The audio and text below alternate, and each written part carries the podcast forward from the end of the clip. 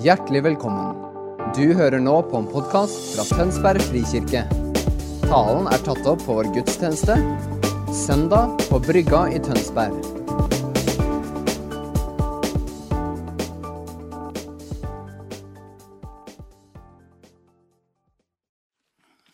Jeg spurte hvor lang tid jeg, jeg hadde, og så sa han ja, antydet han hvor kort og liten tid det var når de talte her i kirka. Så jeg tenkte ok, ikke noe da.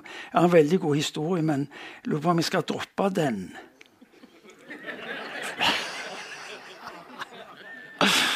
Det er dårlig gjort, men det er greit. Og nå er det så lenge siden jeg har vært at det er mulig jeg fortalte den sist men det er jo heller ikke farlig, for dere glemmer jo så fort. Forskning viser at uh, på onsdag har flesteparten av dere glemt 90% av det jeg sa i dag. Ikke fordi at talen nødvendigvis var dårlig, det er bare dere som er skrøpelig utrustet. Husker ikke bedre. Eh, det fortelles om, eh, det fortelles om eh, Bill og Hillary Clinton, tidligere president, og ei som forsøkte å bli president. Og så de, hadde de gjort seg fra alle vaktene sine og var ute på kjøretur. Og skulle følge opp bensin på denne bilen sin og komme inn på en bensinstasjon i, ikke så langt vekk fra Det hvite hus. Og så mens da Bill fyller på Han gjorde jo det før han ble president. Når han da fylte på bensin, så oppdager han plutselig at kona Hillary inne, i, inne i, på bensinstasjonen er sånn en varm og god omfavnelse med han bensinstasjonsmannen. Og Han lurte på hva dette var for noe. Han syntes det var uvanlig og litt overdrevet. Og så kommer du tilbake, kjører, og så spør han du um, Hvem var han der som du møtte på bensinstasjonen? Jo, det var, det var ungdomskjæresten min. Å ja, sier Bill. Det var stille. Og så sier han Du um, Hvis du hadde blitt gift med han, så hadde du vært bensinstasjonskone eller frue. Så kom det tørt ifra Hillary. Nei, han hadde vært president.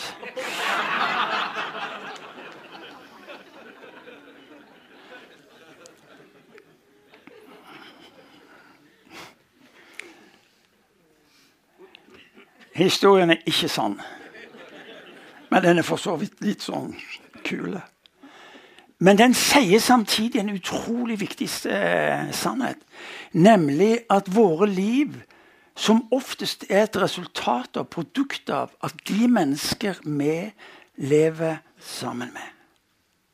Derfor ga Gud menigheten inn i denne verden. For at liv skulle forvandles på en slik en måte at omgivelser ble prega eh, og vågte nye retninger for livet sitt. Det er annonsert at det skal snakke om de to evangelier. Du vil kanskje tenke ja, men hør nå, det er bare ett evangelium. Ja, på et vis er det vel kanskje det, og kanskje er det rett til. For gjennom alle tider så har vi hatt ett evangelium, og det er evangeliet om Jesus Kristus. Johannes 3, 16.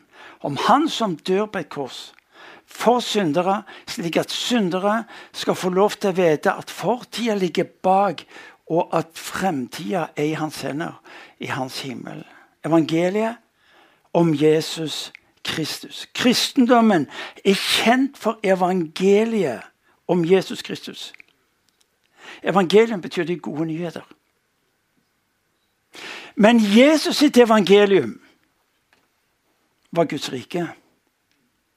Når Jesus trer inn på arenaen, som du leser om i Markus evangeliet, så er han opptatt med å proklamere at uh, Guds rike er kommet nær. Det er, et, rike som kommet nær på en slik en måte at alt forvandles. Og når han senere holder på å trappe ned sin virksomhet, så er han opptatt med å synliggjøre for de som var de involverte, men også omgivelsene, at dette Guds rike skal fortsette å være synlig gjennom det miljøet eller den kirka som jeg har bestemt meg for å bygge. Nå er ikke Guds rike bare kirka. Men det er ikke noe sted på kloden hvor Guds rike er så synlig som der mennesker kommer sammen for å tilbe Gud. Det er to evangelier. Det er det evangeliet som Jesus representerer. men også det evangelium, de gode nyheter, om det folk, den menighet, som Jesus eh, oppreiser og ber om å være denne gode nyheten inn i denne verden. Jesus sier i Johannes evangeliet kapittel 17 at den herlighet for som jeg har mottatt fra deg, den herligheten gir jeg videre til disse folka og til min menighet.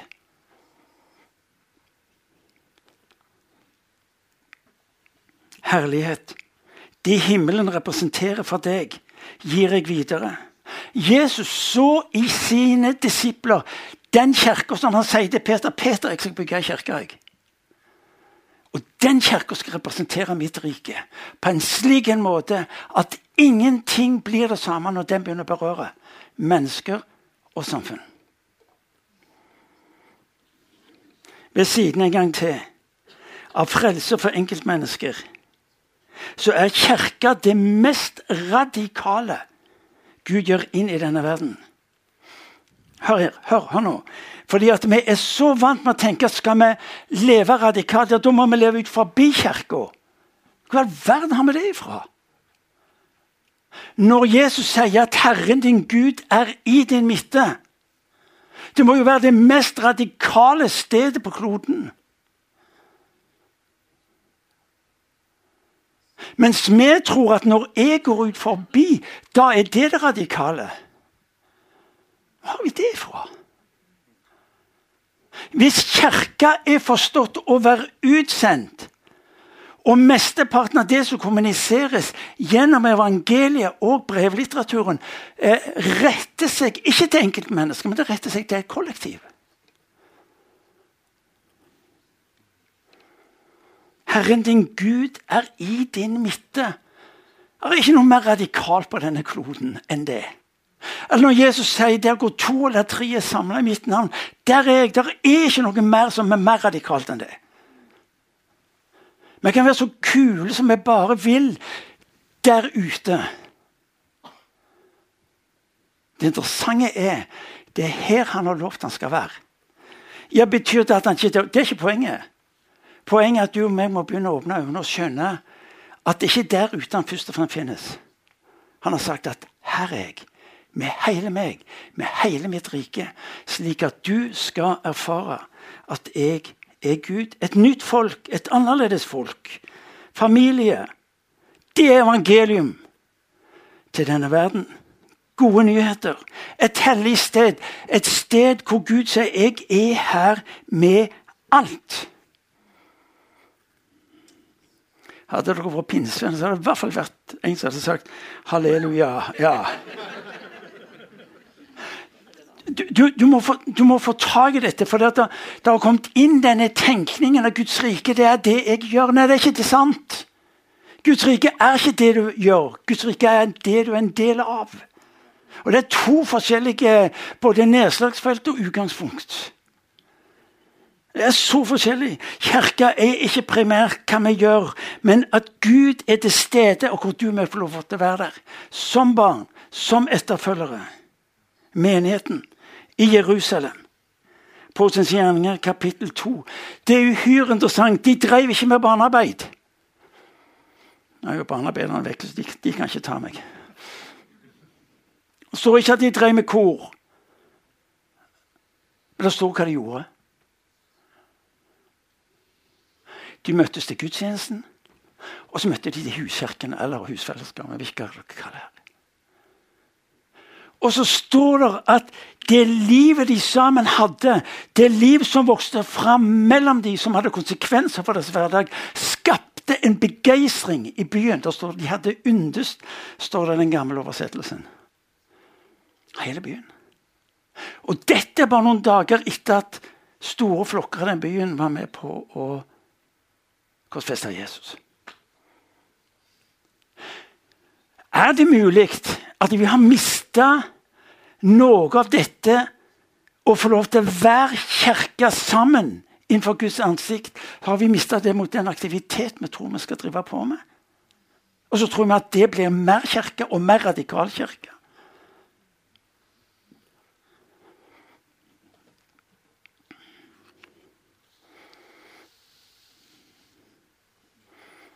De forsto hvem de var, og forandra verden. Og jeg lurer på om har vi mista altså, Ser vi på Kirka som et nyttig redskap? Noe som er greit å ha? Mange aktiviteter, og så, og så er takknemlige for alle aktiviteter. Vi takker Gud for aktiviteten, men, men, det er mulig at det er sånn type blendeverk. det der. Religiøs klubb for spesielt interesserte. Som naboen sa til meg Martin, du er jo rimelig oppegående. Jeg sa ikke noe om jeg skulle bekrefte det. Men men hva i all verden er det du er en del av? Altså, Det er jo et faktum folkens, at flesteparten i Tønsberg ser på dere som sitter i dette rommet, som rare. Og hyggelige kolleger og alt det der. Men de aner ikke hva vi holder på med. Jo da, de har fått tak i et eller annet liturgi og noe dere er for, og masse ting dere er imot. og Har mista noe her?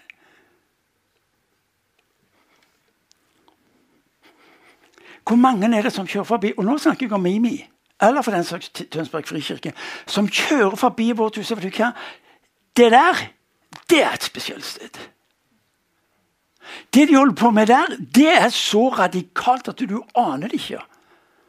Ja, hva mener du?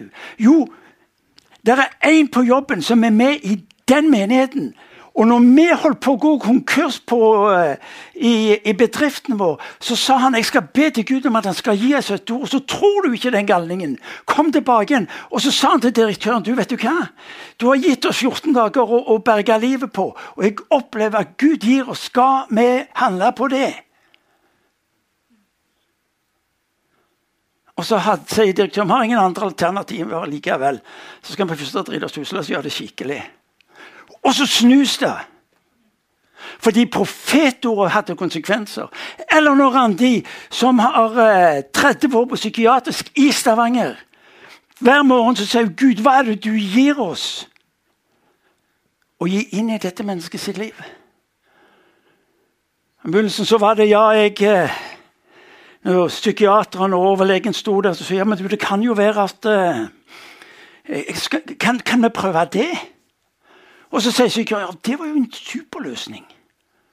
Og så skjer dette flere ganger over tid, så til slutt så sier sykepleieren du, time out. Hva er det du holder på med?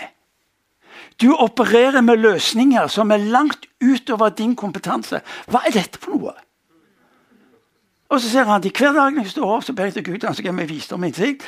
For han elsker de menneskene vi holder på med på denne uh, avdelingen. Og så gir han meg de ordene.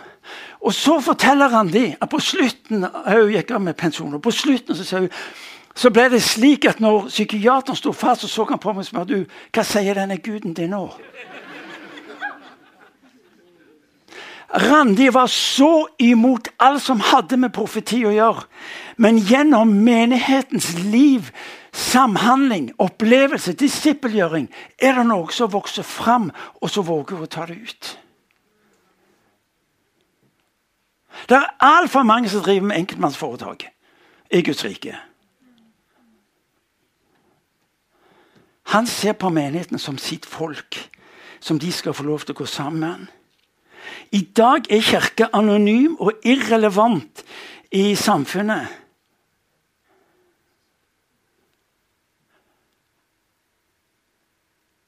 Det er tankevekkende. Det står menigheten i Jerusalem, hele byen. Hele byen var preget av hva som skjedde i menigheten. En har sagt det slik du har ikke et sterkere forhold til Jesus enn det du har til din menighet.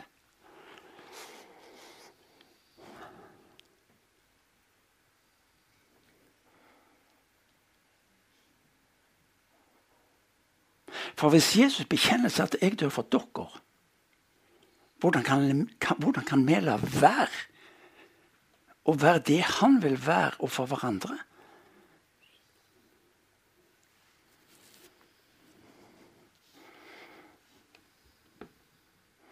Ja, Min fordel er at jeg reiser jo tilbake til Stavanger. så kan dere... Men du skjønner, hvis du og meg ikke har en rett forståelse av hva menigheten er, hva kirka er, så forholder vi oss jo til det. For det du mangler kunnskap om, kan du heller ikke verdsette. Er du med? Og det du ikke verdsetter, kan du heller ikke forvalte. Og det du ikke forvalter, kan du heller ikke se representere vekst. Ja, men Kirka er jo bare et sted hvor vi møtes.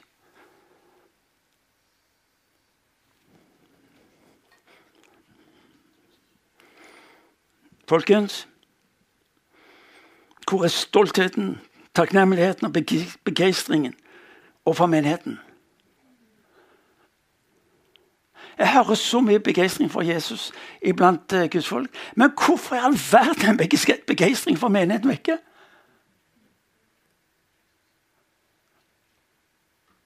Hvis det høres ut som jeg kjefter, så gjør jeg ikke det. Jeg prøver bare å minne deg på at det, uh, der er noe i denne forståelsen av evangeliet som mangler.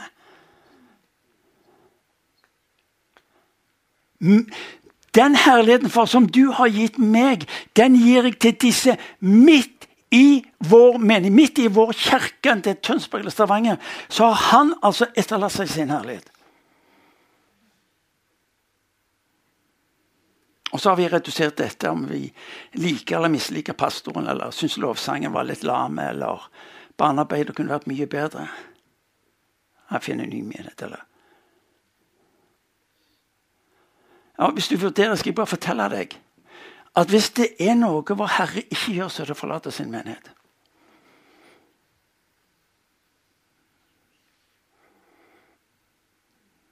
Eventuelt så er det vi som forlater Han. Men det er noe helt annet.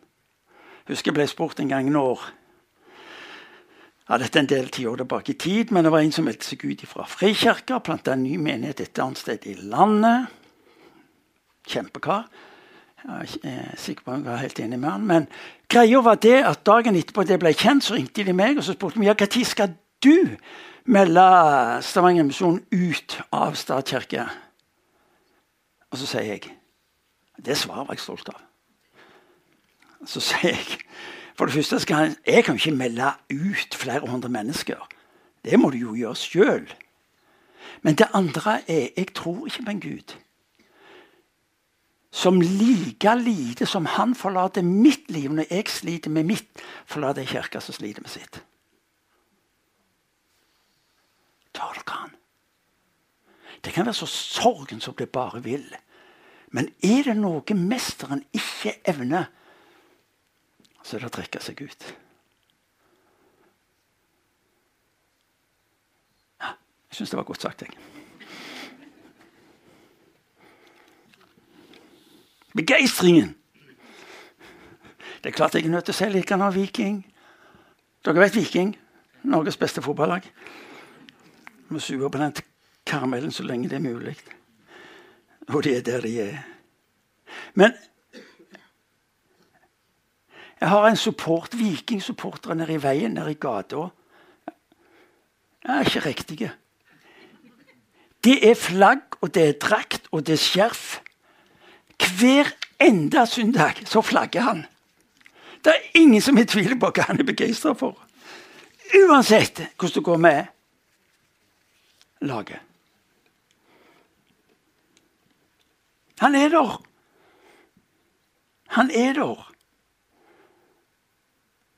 Ja, Medgangssupporteren ja, ja, han uteblir og skifter til med klubb. og Til tider starter sin egen. Men, men uh, Naboen, han er der. Selv om folk blir mindre og mindre. Jeg syns det er beundringsverdig. Alle, alle hjemme på Viking når det går bra. Men det har vært mange år det har vært alt annet bra. Jeg husker en pastor kom til meg og spurte hva gjør du med hyttesyka.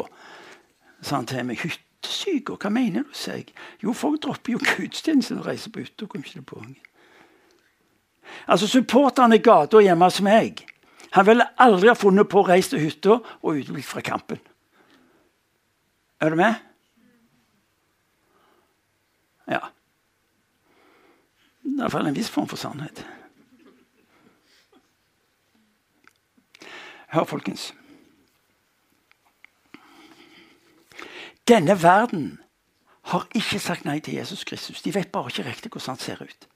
Og Den sterkeste demonstrasjonen på dette er der hvor Guds folk kommer sammen. Bjørn Bue, tidligere biskop i, Gan, i, i Stavanger bispedømme, han sa det slik Hvis Guds folk hadde skjønt den evangeliseringskraften som ligger når Guds folk kommer sammen, så hadde de sjokkert byen.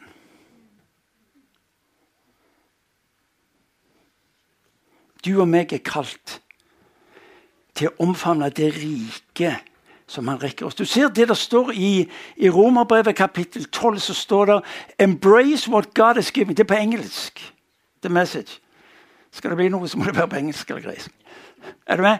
Altså, Embrace what God is giving you. That's the best thing you can do for him. Og det han sier, er omfavn mitt rike. Slik at mitt rike kan få lov til å gjøre sin gjerning i ditt liv. Omfavne min menighet, slik at menighet kan få lov til å være den den var tenkt å være denne tida. Så utfordres vi jo på denne her eh, individualismen. Dreper jo. Det det han gjør. Det er konsumerinstinkt. Men, men, men samtidig må vi jo se at mye av det vi holder på med, har jo det fokuset. Jeg har ikke behov for å tale, til et oppgjør med lovsangere, men det er klart det er et faktum at mye av våre lovsanger omhandler meg og mitt og mine. Gjør det. Ikke oss, ikke vi, ikke vår. Ja. Det er ikke et spark. Dette har jeg snakket om med min egen lovsangsleder. Altså. Må forandre på noen ord, har jeg sagt. Folkens, hva er det du ser?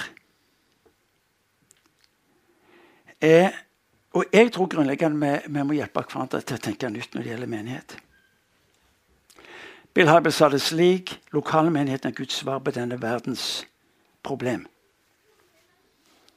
En gang til. Lokalmenigheten er Guds svar på denne verdens problem. Når det er problemer i et samfunn, så skal altså lokalmenigheten, som er eh, de, de, de, kristne eller de som er etterfølgere av Jesus Kristus, sammen representerer en åndelig kraft. Og samtidig en praktisk virkelighet ved at det Gud gir inn i deres liv, har konsekvenser for det samfunnet de er en del av. Josef i Gamle testamentet han ble en profetisk røst som berga en hel nasjon. Fordi det profetiske er nedslag i hans liv. Hans Nilsen Hauge Jo, vi snakker om Hans Nilsen Hauge som bedriftslederen. Men den åndsdåpen som var nøkkelen til hans liv, og som forvandla Norge, er det veldig tyst om. Hva var det Hans Nilsen Hauge gjorde? Jo, Han starta en hel med bedrifter. Men nøkkelen til det han gjorde, det var å etablere disse små fellesskapene som nettopp ble utgangspunktet for eh, den forvandling av det norske samfunn. En åndelig eh, gigant forsto Kirka som samling av de troende. Og 200 år etterpå nyter vi fremdeles godt av det. Benny Johnson, kona til Bill Johnson i, uh, i Church, hun forteller vi fikk høre fra myndighetene om narkotikaruter fra, fra fra Canada som gikk sørover langs, eh, gikk sørover langs eh, kysten av California. Og Vi bestemte oss som menighet at vi ville be Gud om å gi oss innsikt til å bryte, innsikt til å bryte dette båndet. Og så forteller Benny at vi kom sammen, ba om Guds tiltale, ba om Guds visdom, så vi kunne representere eh, et gjennombrudd i etterforskningen. Og så får vi lov til, ved det ordet Gud gir oss, å gi til myndighetene, og så bryter de eh, denne trafikken av, av, stoff som gikk fra Kanda og sørover.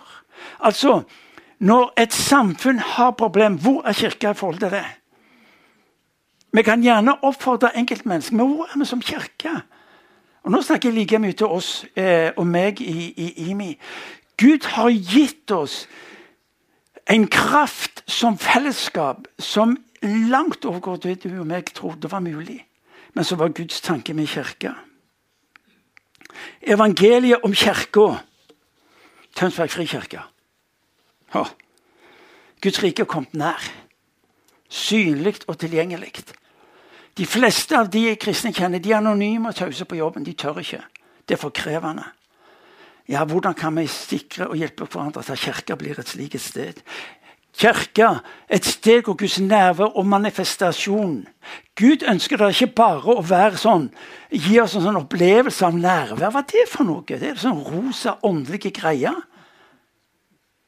Nærvær uten hans manifestasjon. Det er jo derfor han kommer. Kristuslivet med Kristusegenskapen tilgjengelig. Han har lov til å være imellom oss. Åndens kraft, retning og mål, lys og mørke. Altså, dette er de løftene som han har gitt inn i sin kirke. Som du og meg får lov til å være en del av. Hør! Menigheten er det sterkeste uttrykket for Guds rikes nedslag i denne, våpen, i denne, i denne verden. Håp mot det håpløse. Eh, fred mot det som er full av frykt. Fremtid, kraft. Gud ønsker her, folkens, at denne kirka skal få lov til å representere det i Tønsberg. Det interessante Vi snakker om fellesskap og familie og her. Guds herre. Jesus snakker om kirka. Jeg vil bygge min kirke. Hvor byggemateriellet er han sjøl ved Den hellige Ta mitt.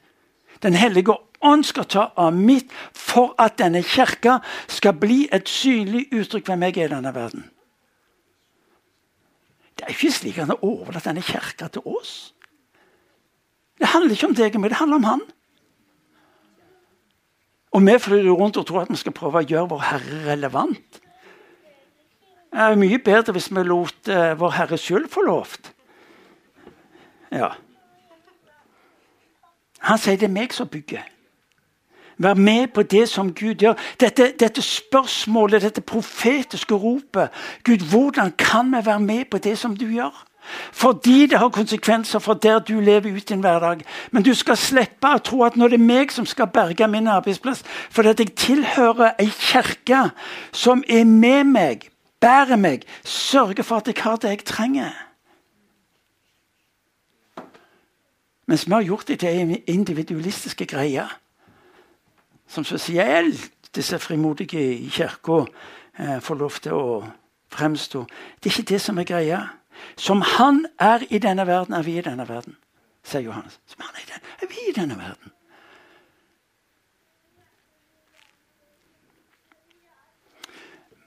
Hør nå. Bibelens disippelliv er uløselig knytta til kirka, til fellesskapet. En gang til. Bibelens disippelliv er uløselig knytta til kirka.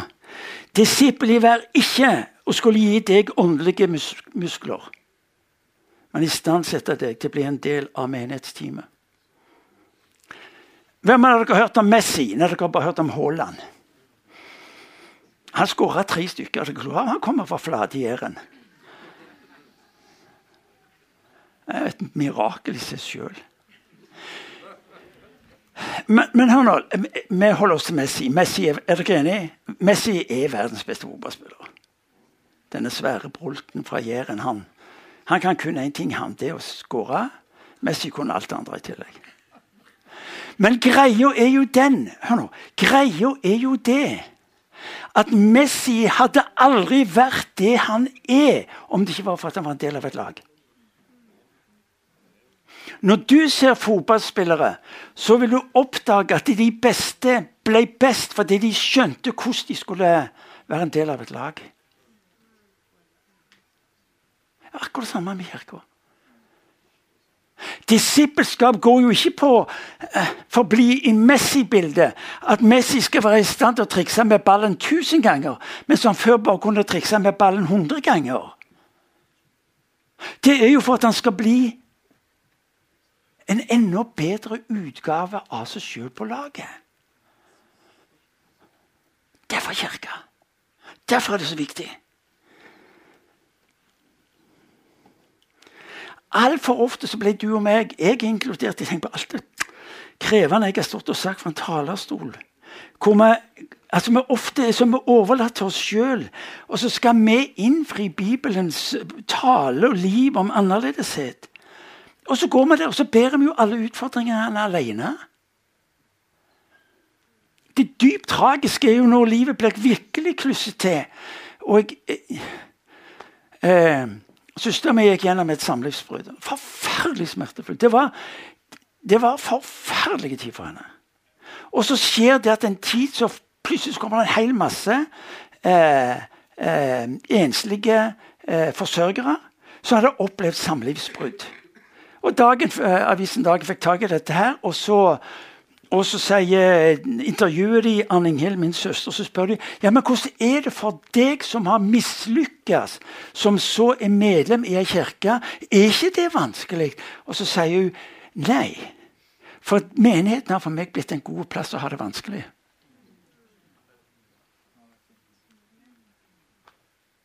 Det er blitt en god plass å ha det vanskelig.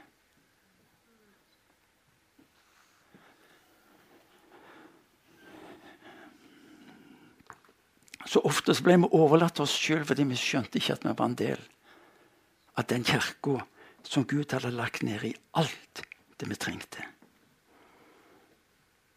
Jeg skal begynne å slutte. Når du leser Kirkens historie, så er det nettopp historien om kirka.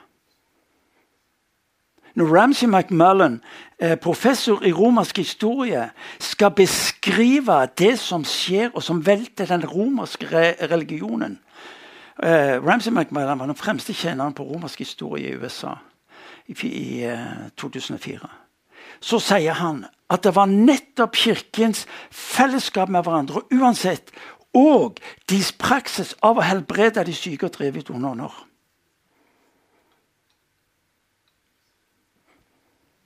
Det å våge kirka i vår tid, folkens, hvor så mye er i bevegelse, hvor det er så mye usikkert, hvor folk ser ikke primært til enkeltmennesker, men hvor er det plass, hvor er det sted, hvor er det hus som jeg kan koble meg opp til?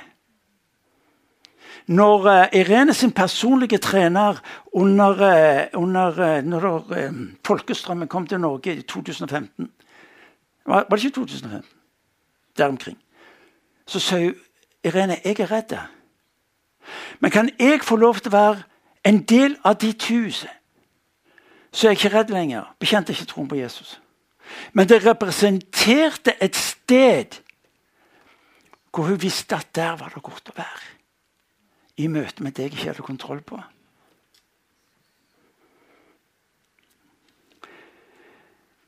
Jesus elsker kirka si. Hvordan kan vi la være å elske det han elsker?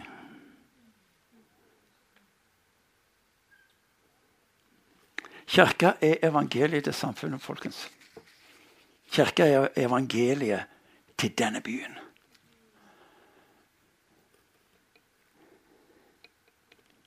Guds rike er tilgjengelig. Ikke den perfekte kirka, men mennesker som har valgt å gå med Jesus og vite uansett er det ingenting som kan skille oss. Jeg har aldri gjort det før, men jeg kan gjøre det nå. Og det at Vi skal lese en god del vers helt avslutningsvis. Eh, og, og, og, Det er for at du skal få tak i hva som er Paulus sin bønn, og hva som er hans forventning til oss som kirke, og til det løftet som Gud har gitt ham. Eh, jeg tror vi reiser oss, og så har Mario lovt at den skal komme på veggen. Ja.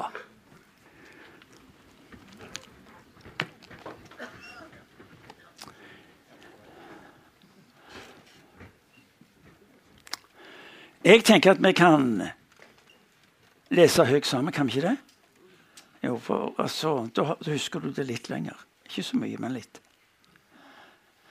Vi leser.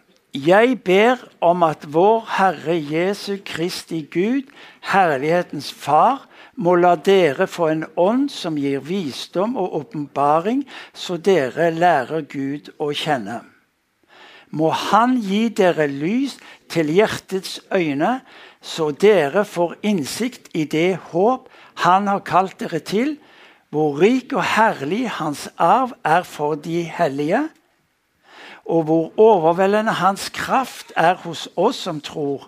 Med denne veldige makt og styrke reiste han Kristus opp fra de døde og satte ham ved sin høyre hånd i himmelen, over alle makter og åndskrifter over alt velde og herredømme og over alle navn som nevnes kan, ikke bare i denne tid, men også i den kommende.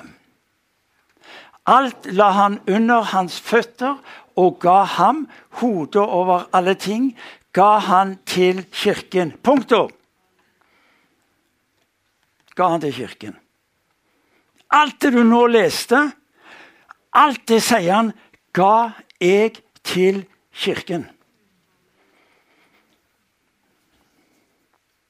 Deg og meg. Ufortjent av bare nåde. Men det er kirken. Tønsberg frikirke er Guds evangelium til byen og området. Ja, mye kunne vært bedre annerledes. Men hvis Vår Herre fremdeles ikke har gitt opp, så er det et godt utgangspunkt med dette som denne kirka sitt kjennetegn. Så la oss be.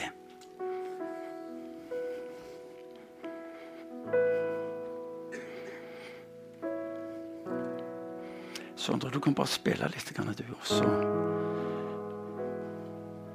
Jeg vil at du skal rett og slett gi, gi plass til litt tanke. Hva, hva er det jeg har hørt? Hva betyr dette for mitt liv? Hva er min forståelse av og holdning til denne kirka? Hvis denne kirka er et evangelium til denne byen, på hvilken måte blir jeg en del av det?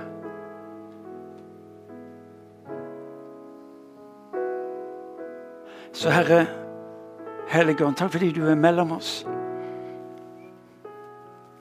Takk, Herre Helligånd, fordi du er mellom oss som den som skaper og nyskaper. Jeg takker deg fordi du har ikke trukket deg tilbake fra din kirke. Jeg takker deg som du bekjenner, som du mottok herligheten, har du også gitt den, og du lot den bli værende. Herre, du er den som sier at vi skal be, og det skal gå byen vel. Og vi ber for byen vår om at denne byen at det skal gå den vel. Og gi oss å være nettopp Guds rikes muligheter ved våre liv.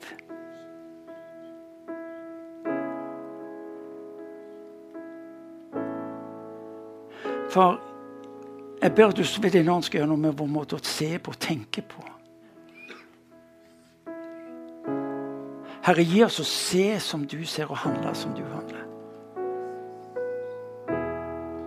Bryt opp de gamle Herre Jesus, vaner og tradisjoner, Herre. Og gi oss å omfavne, Herre, den menighet som du døde for.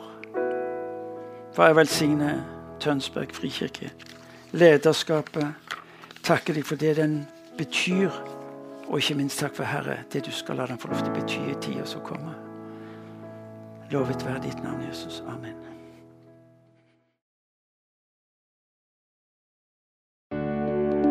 Takk for at du hørte på vår podkast. Har du spørsmål eller ønsker du å vite mer? Søk oss på vår nettside tonsbergfrikirke.no. Du er også velkommen til kirke på Brygga i Tønsberg.